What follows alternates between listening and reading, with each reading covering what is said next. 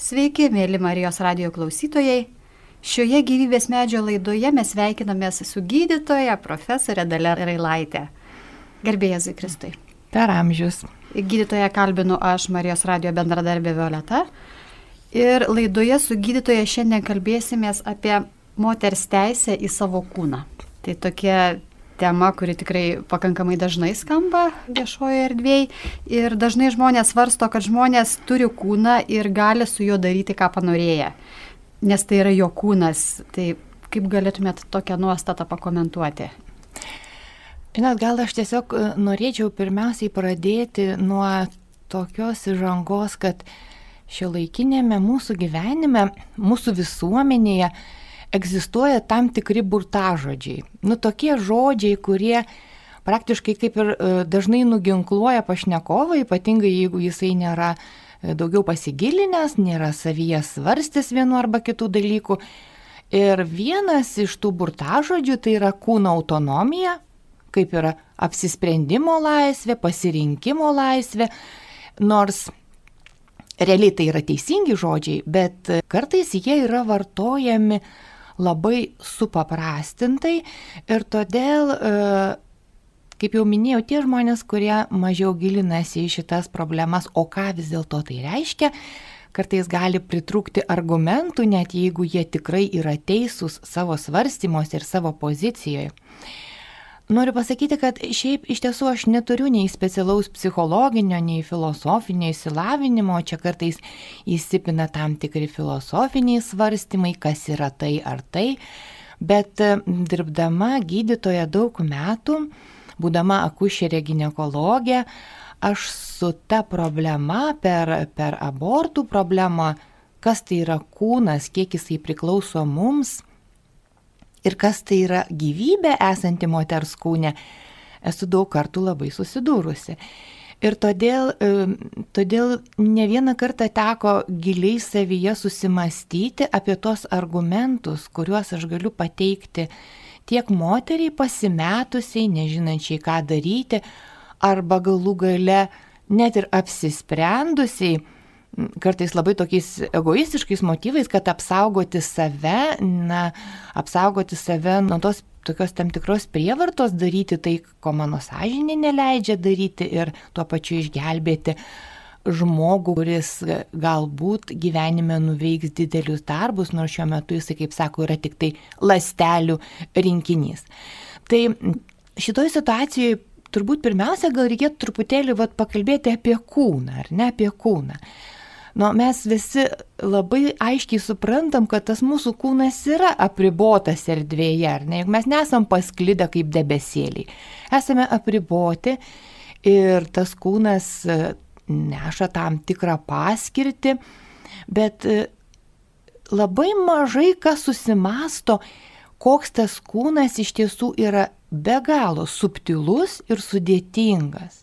Na va vien tai, kad mes čia galime kalbėtis, kad mūsų mėly radio klausytojai gali mus girdėti, vyksta milžiniški darbai mūsų kūne ir mes to masto niekaip negalim įsivaizduoti. Todėl, kad įsijungia daugybė sistemų. Tos sistemos turi daugybę lastelių, lastelės turi daugybę elementų, visokios biologiškai aktyvios medžiagos. Žodžiu, jeigu to nebūtų, to subtilaus, tokio be galo sudėtingo veikimo, mes nieko negalėtumėm. Ir tai yra visiškai aišku, kada kūną apleidžia gyvybė, jis visiškai nieko nebegali. Ir e, šioje situacijoje yra tam tikri ir vadovaujantis organai, sakykime, kurie, kurie galbūt ir e, mūsų akim žiūrint daugiau įsijungia, bet šiaip kūnas yra labai labai sudėtingas. Ir Žinot, kada mes kalbam apie patį dalyką kaip autonomija, ar ne, nu toksai vad žodis autonomos, čia yra graikų kalbos, ir jisai reikštų, kad aš pats savo, kia auto, nomos tai yra taisyklė tvarka.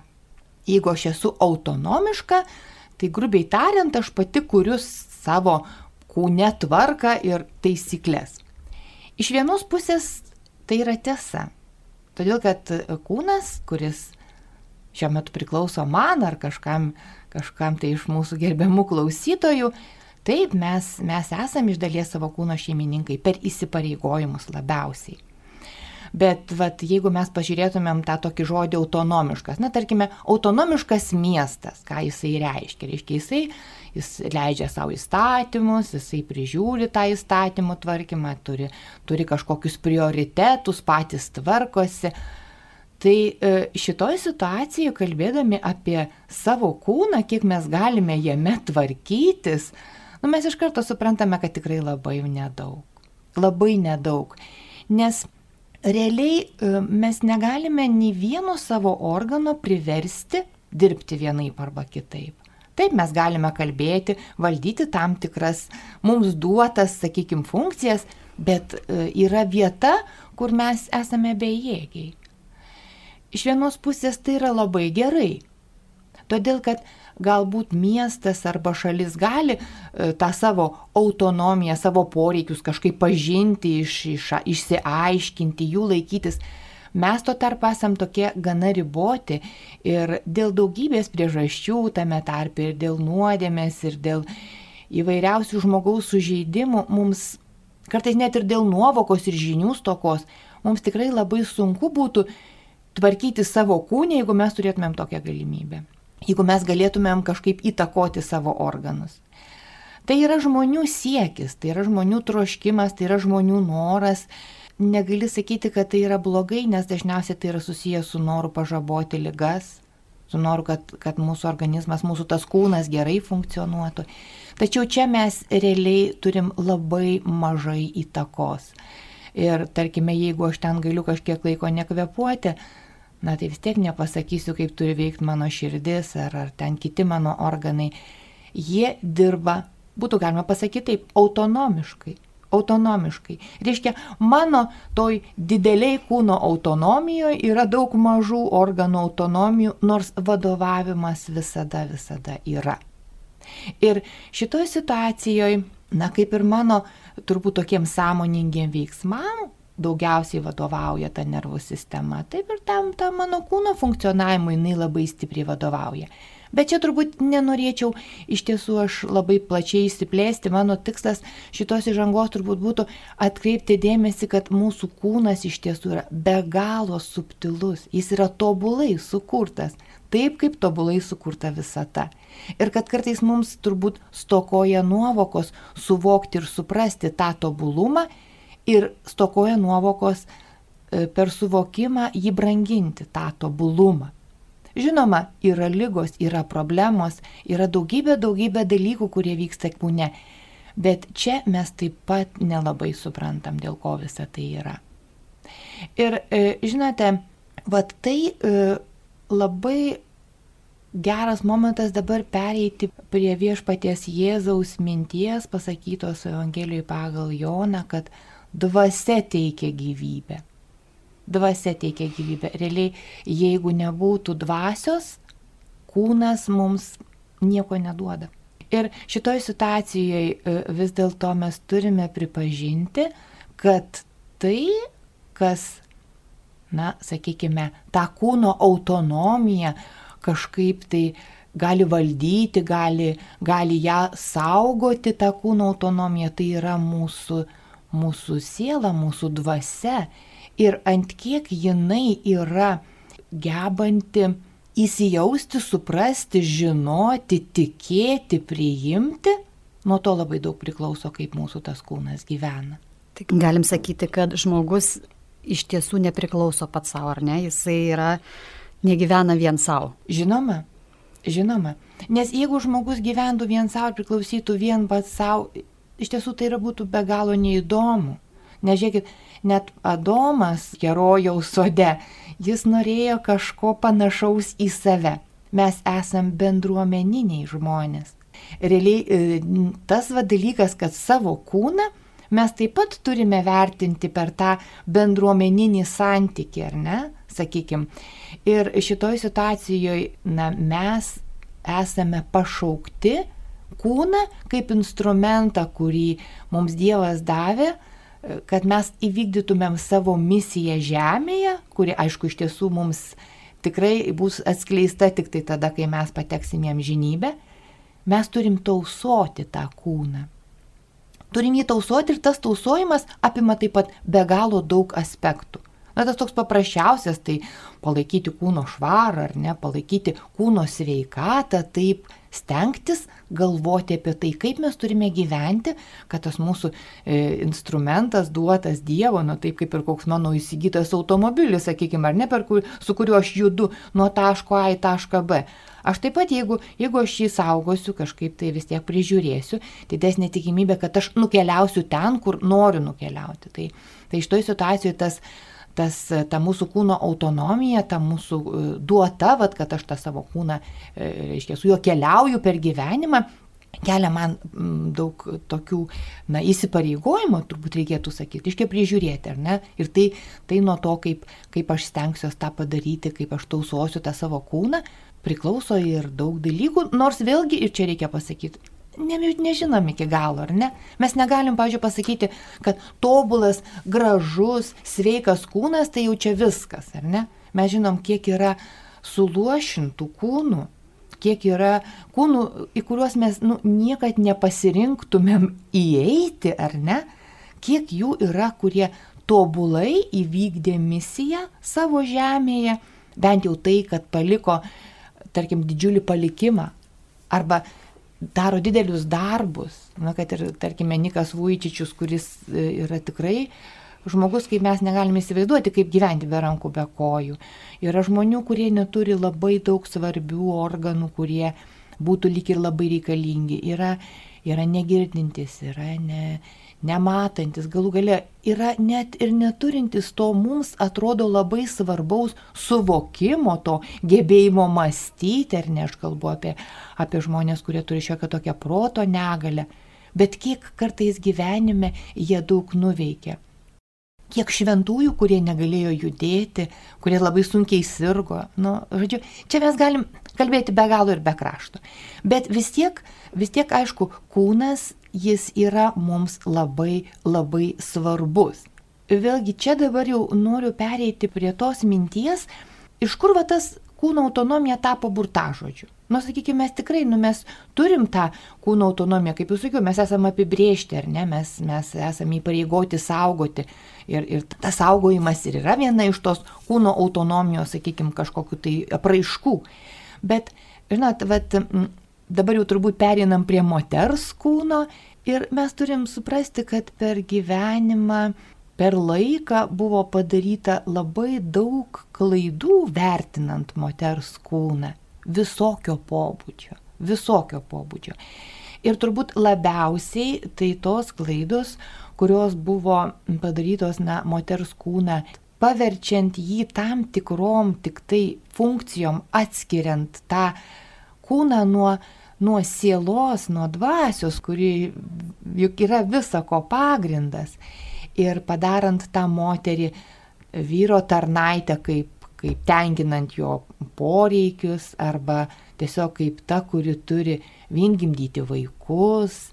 Ir mes žinom, kad pasaulyje ir daugelį šalių per istoriją moteris tikrai patyrė daug beteisiškumo. Ir turbūt va tai ir yra, kad klaidos, kaip ir dabar nukrypimai į kitą pusę, realiai ir, ir sąlygoja tai, ką mes gyvenime turim, tam tikras iškreiptus vaizdus, tam tikras iškreiptas situacijas apie moters teisę į savo kūną dažniausiai yra kalbama apie tai, kai kalbama apie abortus. Tai. Apie tai, ar nešioti kūdikį, ar, ar jo atsikratyti. Ir tas aborto galimumo klausimas, jisai yra grindžiamas laisva pasirinkimo teisė. O ar moters teisė į savo kūną yra minima visuotinėje žmogaus teisų deklaracijoje? Nu, žinote, dabar vat, jūs tokį klausimą paklausėt, kur vėl turbūt nes nebūsiu labai kompetitinga e, smulkiai atsakyti. Iš tiesų, tai, žinot, na, žmogus tą teisę ir moteris tą teisę į savo kūną, jinai tikrai ją turi. Bet aspektas yra tas, kad aš turiu teisę būti apsaugota nuo smurto, ar ne? Nuo to, kas kėsinasi į mane kaip į asmenį. ir į mano kūną, kaip į man priklausanti, sakykime, šitoj situacijai mano sielos buveinė, ar ne? Tai šitoj, e, šiuo aspektu niekas negali žmogaus, na, išnaudoti, moters išnaudoti, ar ne, sakykime, negali išnaudoti jos, jos tos galimybės teikti seksualinį malonumą, ką, ką mes labai dažnai su kuo susidurėm, ar ne, žaginimą ir prievartą. Toliau kitas dalykas, negali žaloti, negali skriausti, negali mušti, negali smurtauti, negali reikalauti iš to kūno kažko tokio, ko moteris pati savaime laisvu apsisprendimu nenori duoti. Ir netgi tai ne vien tik tai tas laisvas apsisprendimas netgi dar ir, ir priklauso nuo veiksnumo, ar ne, kad, kad tas kūnas vis dėlto yra saugomas pačio žmogaus apsisprendimo, kiek aš galiu kitam žmogui atsiduoti, vėlgi saugomas įstatymo, kokiam amžiui aš galiu tą nuspręsti nes tai ir, irgi yra labai daug skausmingų dalykų. Tai šituo aspektu taip, aš esu savo kūno šeimininkė. Aš turiu teisę, žinoma, kartais būti netgi atiduoti savo kūną, na kaip dovana kažkam kitam, bet tai apie donorystę, kaip mes kalbam, ar ne, ne vien tik tai kraujo donorystė, bet gali būti ir organų donorystė, bet jinai turi būti laisvanoriška. Va čia tai yra ta tikrai autonomija, tas apsisprendimas. Aš atiduodu Ir vėlgi jisai taip pat yra pribotas įsakymų, įstatymų ir tam tikrų dalykų, bet aš galiu laisvai tą atiduoti, turėdama kilnų tikslą, bet niekas negali to iš manęs paimti. Čia taip, kaip kalbama būtų apie laisvę disponuoti savo kūnu, kaip tarkim kirptis plaukus, kaip noriu, dažytis ar ne, ten tatuiruotis. E, tačiau dar norėčiau paklausti apie tai, kiek žmogus laisvas priimti, ne, ne tik duoti savo kūnu, bet ir priimti jį. Taip, nes čia irgi yra vat, viena iš tų, iš tų dalių ir tai labiausiai e, turbūt yra susijęs su medicina, vat, šiuo atveju kaip ir ta organų donorystė ar kraujo donorystė, bet ir, bet ir tai, kad žmogus iš tiesų yra laisvas ir tai yra tikrai taip pat kūno, jo, jo kaip kūno šeimininko teisė į savo kūną priimti tai, kas man yra duodama. Banaliai kalbant, pradedant nuo maisto, sakykime, ar ne, bet toliau čia labai yra svarbu ir, ir ypatingai šių dienų be galo didelė svarba ir pati medicina tą akcentuoja, priimti vaistą, ar ne, priimti kažkokį tai intervenciją į savo kūną, priimti e, operacinį gydimą, operaciją, ar, ar sutikti su tuo ar nesutikti, kad aš būčiau vienaip arba kitaip reiškia, veikiant mano kūną, gydoma, keičiama, sakykime, ar ne, tai, tai yra tikrai nu, ne, nebejotina teisė, kuri m, taip pat, aišku, nama ir susijusi su žmogaus veiksnumu, nes kartais, kai žmogus yra visiškai neveiksnus arba jis labai mažas, už jį gali nuspręsti kiti, kas yra globėjai ar tėvai, bet tai yra labai labai slidu ir, ir šitoj situacijoje mes vis tiek akcentuojam, kad duoti ir imti tas, kas susijęs su kūnu, žmogus turi laisvanoriškai. Nebent, na, žinot, aišku, yra tokie dalykai, kada žmogaus teisės yra apribotos dar ir dėl kitų dalykų ir, tarkim, aš negaliu judėti, nes aš esu įkalinta. Tai, žinot, čia vėlgi mes ateinam prie tos apsisprendimo laisvės vaikuriavo, taip po truputėlį vis keliaujam, ar ne? Tai iš tiesų ta laisvė nupriimti vienokį arba kitokį sprendimą susijusiu su mano kūnu, kažkokį tai veiksmą, jinai man yra duota Dievo. Iš tiesų, jinai man duota Dievo. Dievas leido man spręsti, kas yra gera, kas yra bloga ir atitinkamai veikti. Bet jeigu, e, kalbant apie tą laisvę iš tiesų, tai laisvė man lieka tol, kol aš renkuosi teisingą sprendimą. Nes jeigu tik mano sprendimas yra neteisingas, aš iš karto pakliūnu į vergyją to sprendimo. Na, sakykime, aš jeigu apsisprendžiu atimti kitam žmogui gyvybę, taip, tai pagal įstatymus mano laisvė taip pat bus apribota ir aš neteksiu daugybės dalykų tai, ką galiu daryti dabar. Taigi, Ir šitas apsisprendimas, jis egzistuoja visose, visose plotmėse. Ir, sakykime, mano teisingas pasirinkimas Kartais, aišku, man gali būti labai sunku pasirinkti, aš, aš klystu kaip žmogus, bet tai yra turbūt taisyklė. Mano neteisingas pasirinkimas mane įkalina kažkokioje situacijoje ir vėlgi aš iš jos galiu išeiti tik tai kažkaip tai apgailėjus savo neteisingą, apsvaršius, apgailėjus, bet iš tiesų yra tokių vietų, kur net ir apsvaršius ir apgailėjus mano vidinė sąžinė po to ilgą laiką vis tiek mane dar laiko tam tikroj nelaisviai, nes yra atmintis, ar ne, yra atmintis. Jeigu manęs ir nežaidžia mano kažkokie tai veiksmai ar klaidos, tai atmintis iš tiesų kartais gali labai klastingai mane užklupti įvairiausiose vietose. Ir va dabar turbūt visiškai ir, ir normalu mums būtų pereiti prie to, to laisvo apsisprendimo, o kągi daryti su kito žmogaus kūnu, ar ne, ir su kito žmogaus gyvybė. Iš tiesų tai Man patiko vieno filosofo tokia mintis, kad laisvė, laisvė iš tiesų pilnai atsiskleidžia būtent santykėje su kitu. Kaip aš elgiuosi su kitu, kiek aš kitam duodu laisvės, kada mes kalbam apie, apie šitą būtent tokią laisvę. Tai e, vėlgi mes suprantam, čia jau turbūt apie tai diskutuoti nereikia, kad augantis moters kūne vaisius, jis yra visiškai kitas kūnas. Nu čia nereikia apie tai net ir svarstyti. Mes suprantam, kad pagal ką mes atpažįstam žmogaus kūną. Mes iš lastelės galim atpažinti, ar, ar tai aš, ar tai kažkas kitas pagal DNR, ar ne. Mes nešam tą informaciją, kas aš esu. Ir ta informacija lastelėje yra pilnutinė. Ir iš tos lastelės vienos galima atkurti daugybę dalykų, kas aš esu. Taigi, augantis vaisius moters kūne turi visiškai kitą DNR, visiškai kitokias ląsteles ir realiai jisai yra visiškai naujas kūnas. Tam tikrą prasme mes galim pasakyti, kada jau yra naujas kūnas, jis jau turi savo autonomiją. Nes iš tiesų, kaip su juo bus, kaip ir su mumis bet kuriuo, mes šito dalyko nežinom, ar ne?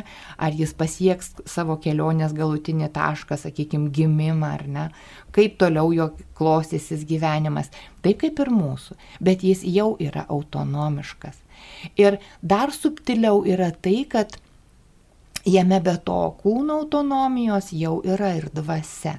Ir lygiai taip pat kaip ir mūsų siela ir mūsų, mūsų psichinės galios turi tam tikrą autonomiją, ar ne? Nu, kas, gali, kas gali mane priversti galvoti taip, kaip kažkas tai nori.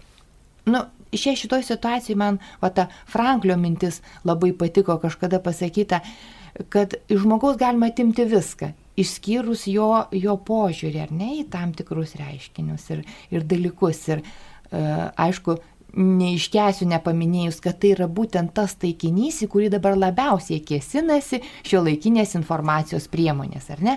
Ir jeigu kūną e, labai lengva valdyti, tu, tu atim galimybę jam valgyti, tu sudaryt gali tokias sąlygas, kad tam kūnui tikrai bus labai sunku.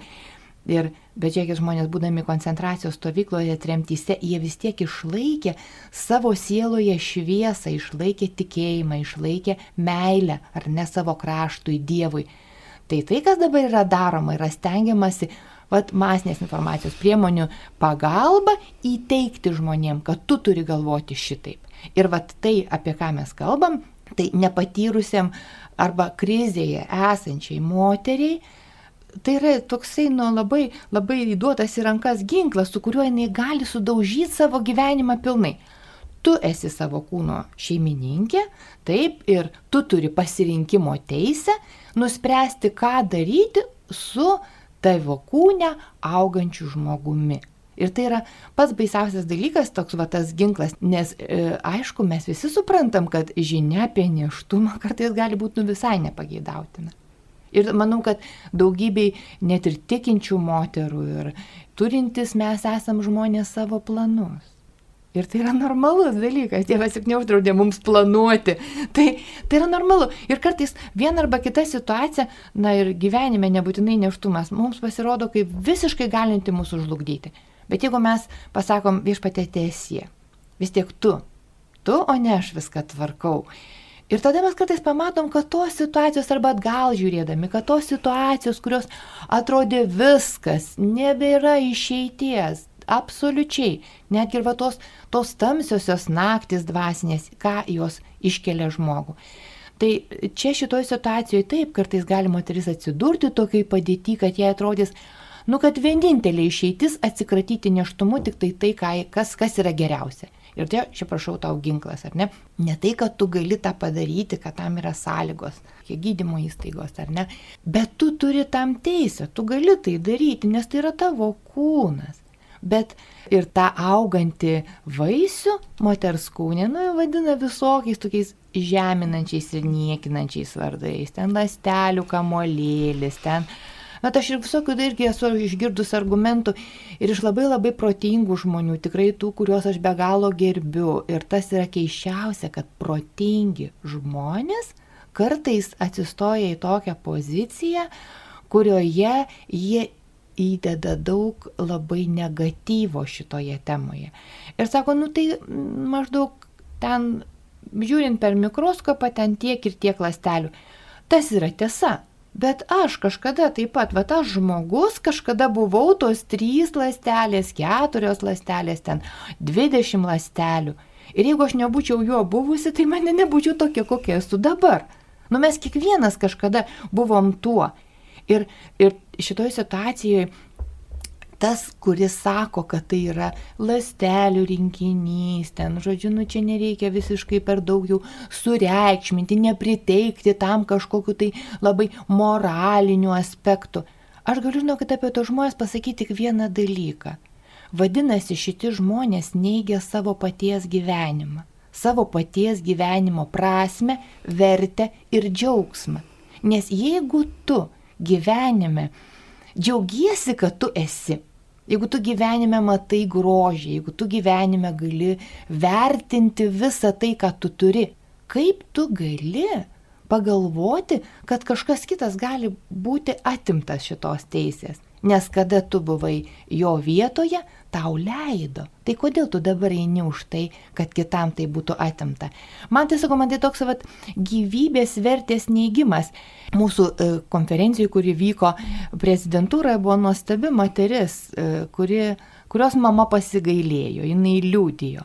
Ir, žinot, aš tikrai, e, nu, ir ašaras kelias nuvarvinau, nors tai nėra pirmas ar paskutinis žmogus, kuris buvo išgelbėtas iš mirties nasrų, tikrai to žodžio prasme, bet jinai tikrai buvo nuostabi, jinai buvo nuostabi. Ir tokia šviesi, va, su ją bendraujant. Ir aš pagalvojau, kaip tai yra gera, kad jos mama pasigailėjo. Ir šitoje situacijoje, žinot, na mes, mes kartais esam pernelik įsikniaubę į save, kad pamatytumėm, o kasgi bus po tiek ir tiek. Kas bus po tų 90 mėnesių, ar ne, iš tų kelių lastelių. Aš suprantu, kad kartais tai gali atrodyti kaip katastrofa, kaip, kaip griūtis viso gyvenimo, kaip artimųjų žmonių atsisakymas, paniekinimas. Taip, taip gali kartais. Kartais gali ir būti taip. Iš tiesų taip gali būti. Kartais moteris tiesiog primdamos sprendimą išsaugoti gyvybę, pasmerkia save labai labai didelėms kančioms ir, ir sunkumams, ir vargams. Bet tai irgi yra tas slėpinys, kuris yra įdėtas į moters širdį būti motina. Aš pati nesu mama. Tai gyvenime daug yra kartų tekę susidurti su ką tik pagimdžiusio moterim ir vienas toksai, vienas toks man labai išlikęs įspūdis e, iš vienos kolegės, aš jau ją aplankyti po gimdymo ir jinai sako, na, mes vardais nesivadinom, jinai buvo ir, ir, ir mano pacientė, jinai sako, daktarė, paimkite mano dukrytę. Sako, žinokit, jūs pamatysit, koks džiaugsmas užlieja ją paėmus. Ir tai yra tiesa, ir tai yra tiesa. Ir aš kaip gydytoja, kur e, dirbau kažkada mažoji ligoninėje savo karjeros darbo pradžioj, kiek tekia yra atkalbėti moterų nuo, nuo, nuo šito veiksmo, nors mano požiūris dar buvo irgi visiškai kitoks. Tai po to, kada tu ją sutikdavai ir, na, kai jinai laiko ant rankų tą kūdikėlį, tokį tyrą, tokį gražų, kai ten kokių dviejų dantų šypsena apdovanoja. Ir tu visada matai jos akise, kokia tai yra laimė, kokia tai yra laimė. Niekada nesu girdėjusi, niekada nesu girdėjusi apgailestavimo, kad net nepadariau aborto, nors tikrai mačiau raudų sakau, ašarom plovė laiptus ir grindis dėl to, kad atrodė, kad nieko nėra baisiau už to, kad šiuo metu esu nešia. Bet po to gyvenime viskas yra kitaip. Va tai, ką, ką turbūt jau esu daug kartų apmaščiusi ir praeitoj laidoj kalbėję esam apie tai, kad kartais viešpas leidžia tokius dalykus atlikti moteriams. Atrodo, nu kaip taip duota vat, visa tai bet kartais tai gali būti žmogaus kelias į save.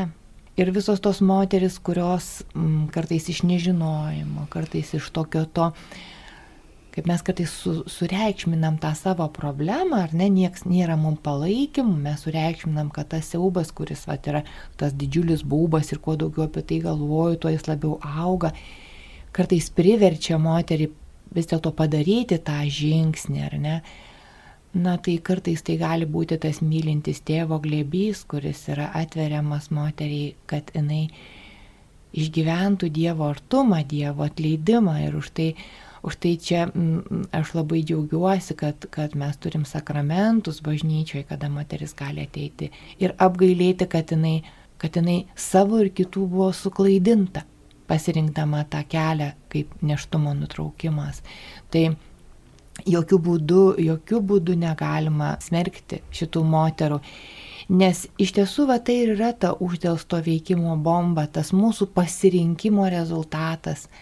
Aš daug kartų esu girdėjusi tai tokias išpažintis, kad tuo momentu atrodė daugiau nieko nereikia, kad tik tai neliktų neštumo. Bet po to po to tu visą gyvenimą žinai, ką tu padarėjai. Ir aš pati, dirbdama gydytoja, žinot, kada renki žmonių tą anamnezę ir klausi, kiek neštumų buvo, kiek gimdymų buvo, esu pastebėjusi labai tokią uh, gaiškę tendenciją, kad moteris yra linkusios pasakiusios, kad buvo tie neštumo antraukimai, toj pat iš karto pulti teisinti, ar ne? Bet aš buvau tokia ir tokia, man ten gydytojai liepė, mano ta situacija buvo tokia. Nu, aš tengiuosi niekada ne, ne, kažkaip nu, neakcentuoti, neklausti ar ne, nekritikuoti, kodėl jūs tai padarėte, nors širdį labai dažnai smilkteli iš tiesų, kaip moteris pasako, turėjo ten 5-7 abortus. Tai, nu taip, nu, tiesiog atrodo kaip, kaip kokia ugnim perlėja. Ir iš tiesų tai yra tavo uždėsto veikimo bomba, tikrai esu girdėjusi liūdėjimų, kada jos augina tą vaiką danguje, visada skaičiuodamos jo metus ar ne? Sako, vad pagalvojau, va tiek dabar metų buvo, būtų. Ir kaip pana pamato panašų vaikelį, ar ne, kada, kada kažkokio panašaus amžiaus, kada ištinka kažkokia nesėkmė, kada ištinka lyga, ypatingai sunki lyga, kada, kada žūsta arba miršta vaikai. Tai yra toks smūgis galintis trenkti moteriai per galvą, gali ją tiesiog sužlugdyti. Ir vėlgi iš kitos pusės, va tą, kiek esu sutikusi tų liūdėjimų, kad kaip gerai, kad atsirado žmogus, kuris pasakė ne, nedarysim tau jokio neštumo nutraukimo, ne, tu turi apsigalvoti. Ir kartais kaip reikia to tokio padrasinimo. Ir aš, aš labai labai gailiu tų moterų, kurios, kurios yra namų aplinkos stumiamos ar ne kaip yra neatsargu iš tiesų uždėti. Tu išsivaduoji nuo tos naštos tokios ar ne, bet kokią naštą žmogus gauna. Kokią naštą gauna. Ir jinai tą naštą gali jį iki paskutinio atodusio lydėti. Ir tai yra, tai yra labai labai sunku, nes, nes sąžinė, atmintis, jinai labai labai ilgai dirba tą darbą. Žinoma, turbūt ne visose, nors aš galvoju, kad nėra tokių moterų, kurios ne, neapgailėtų savo neštumo nutraukimo. Tarkim, vis tiek jau moksliškai pagrysta, kad tai yra atskiras žmogus, kad tai yra pagal DNR tu gali atskirti, kad tai atskiras žmogus. Kodėl yra neatsižvelgiama ir vat, būtent prieštaraujama tam dalykui ir sakoma, kad tai vis dėlto yra moters moters dalis, moters kūno dalis, ar tai yra kažkoks noras apsisaugoti save, ar tai yra tų žmonių, kurie patyrė tą patirtį, noras mm, nusijimti kažkokią kaltę, galbūt tai yra su tuo susiję? Žinot, aš manau, kad priežasčių yra daug. Vienas dalykas kažkaip labai keistai pakrypo tas, ta kova už moters teisės, ar ne? Kažkodėl tai šalia to, kas yra gerai, kad moteris gali mokytis, gali dirbti, kažkodėl va į tą motinystę va, buvo ta, ta žvilgsnis nukreiptas. Nu, čia jau mes truputėlį kalbėjom apie tai, kad buvo labai kažkaip sužeminta ta moteris, sužeminta susietai, kad jinai važvos negimdymo mašina yra. Ne? Ir tada tas visa feminizmo banga, reiškia, atsigrėžė. Nors ten irgi visko buvo, čia atskira kalba, aš nenoriu tiesiog labai daug gilintis. Tai, taigi tas, tas buvo atsigrėžta prieš, prieš tą moterį motiną tokią. Ir, ir, tas, ir, ir matot, tie visi judėjimai vykę pasaulyje ir kiek, ir kaip tos moteris, tos giliosios feministės, kai kurios jos ir savo kūną be galo niekino. Nu, daug buvo tokių dalykų, kur tokia idėja kaip koks siūlas vatėjo, tarsi tarsi ta moters uh, laisvė, teisė, autonomija būtinai yra susijusi vat, būtent su šitu, nebejotinai negalima to atsėti. Tai vienas dalykas. Antras dalykas, šiaip iš tiesų e, tos moteris, kurios nutraukia neštumus gana dažnai, manau, kad stengiasi išguiti iš savo minties tai šitą įvykį, teikdamos, kad čia nieko tokio. Čia, nu kas čia tokio, čia nieko tokio, čia yra, čia yra mitas apie kažkokį poabortinį sindromą, yra mitas. Bet žinote, Tai tikrai nėra, tai tikrai, tikrai nėra mitas. Ir jeigu kai kurie žmonės, žiūrėkit, jie gali gyvenime padaryti daugybę nusikaltimų baisių, ar ne? Gali žudyti, gali smurtauti, gali vokti, viską. Ir jie iki gyvenimo galo jaučiasi teisūs, teisuoliai. Ir niekas jiems jokio skausmo iš to nėra. Tai ar tai yra pavyzdys? Ir apskritai, suprantat, viskas yra labai svarbu, kas mes pasakom yra tas kitas žmogus mano atžvilgiu. Va ta laisvė, ar ne? Jeigu aš pasakau, va kai buvo holokaustas arba kai buvo vergyje, aš pasakau, žydas yra niekas arba vergas, jis nėra žmogus. Lygiai taip pat kaip embrionas nėra žmogus. Reiškia, aš užbrėžiu ribą ir tada aš galiu daryti viską, ką noriu. Ir tai yra labai baisu. Todėl ir yra ta kova už gyvybę, nu, visiškai nesiliečiant prie šitos paslapties, susiekiu ją valdyti. Vat valdyti taip, kaip aš noriu. Ar ne? Vis tiek gyvybė yra neliečiama. Ir ypatingai kito žmogaus gyvybė yra neliečiama. O vis dėlto va tas noras pasakyti, kad vaisius nėra kitas, Tai, nu, sakau, tai yra, tai yra va tokie, tokie, na, sudeda akcentus ir kadangi yra žmonių, kuriem patogus yra tie akcentai, jie juos pasigrebė labai išpučia, padaro vat, kažkokiais tokiais labai esmingais. Bet, žinote, tie žmonės nelydės tų moterų, kurios padaro šitą žingsnį. Jos gyvens savo gyvenimą iki pabaigos. Ir va tas, kas yra baisiausia, kad tie visi tokie, nu, tie pareiškimai, va, ir Ir vieši tie pareiškimai, čia laisvė, čia yra, čia yra apsisprendimo teisė. Po to po to tie žmonės, kurie šaukia apie tą laisvę, jie tau niekada nepadės. Jie nenušluostys nei vienos tavo ašaros. Jie niekada gyvenime tavęs neguos. Ir jeigu tu išdrysi savo gėlą jiems išlėti, jie pasakys, kad tu esi idiotė. Tu čia nesąmonė, kam tu čia savo dabar tokius, tokius kaltinimus. Bet jeigu žmoguje jau prakirbo skausmas, nu jo ne, tu skausmo negali nuneikti. Ir už tai, e, už tai kiekvienas žmogus taip, jisai turi tą apsisprendimo teisę. Bet turbūt akcentai ir tame yra dedami, kad žmogus nėra vien kūnas, ar ne, jis yra dvasia ir dvasia pirmiausia. Ir dvasia teikia gyvybę. Ir tas kūnas, kuris auga tavyje, jis tik laikinai ten auga. Praeis kažkiek tai ir tas va yra irgi toks nu labai stiprus argumentas tu nesulaikysi jo savyje. Jeigu tu galvoji, kad tu gali jį išmesti, tai gal tu gali jį amžinai pasilikti. Nu ne. Ne, ar ne jisai turi savo gyvenimą ir tai labai aišku. Ir tas gyvenimas kažkada prasidėjo ir kažkada pasibaigs. Ar tavo kūne, ar pasaulyje, bet tu negali jo savyje sulaikyti. Tai kodėl tau atrodo, kad tu gali apsispręsti jį išimti?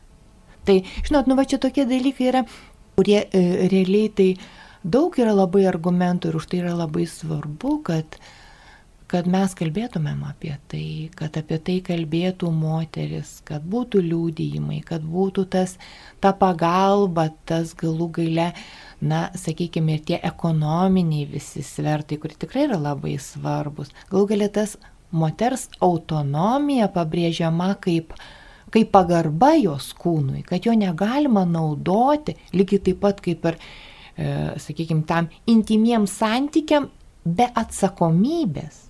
Tai va čia yra tikroji autonomija. Tai va dar gal toks kitas aspektas būtų kaip vyro teisė į moters kūną, ar ne, kaip, kaip šito pažvelgti atžvilgiu. Ne, nu tai žinoma, nu kokia čia gali būti vyro teisė. Iš tiesų tai yra pasakyta, kad du taps vienu kūnu, ar ne? Tai ir vyras, ir moteris, jie, jie lygiai teisiškai sueina į šitą sąjungą. Ne tai, kad vienas kūnas nuspręs, kad kitas kūnas bus jo. Tai yra, tai yra nuostabu iš tiesų ir tai yra Dievo kūryba ir tas, tai, kad Dievas davė to intimumo džiaugsmą ir didžiulę palaimą, tai irgi byloja apie tai, kad tai yra didžiulė dovana, bet jinai turi būti naudojama atsakingai. Mes negalim švaistyti.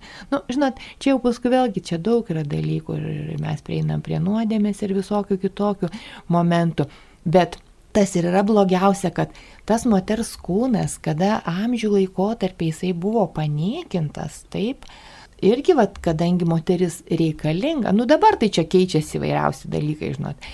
Bet kadangi moteris buvo reikalinga vyrams, ar ne, reiškia, vis tiek jinai buvo reikalinga.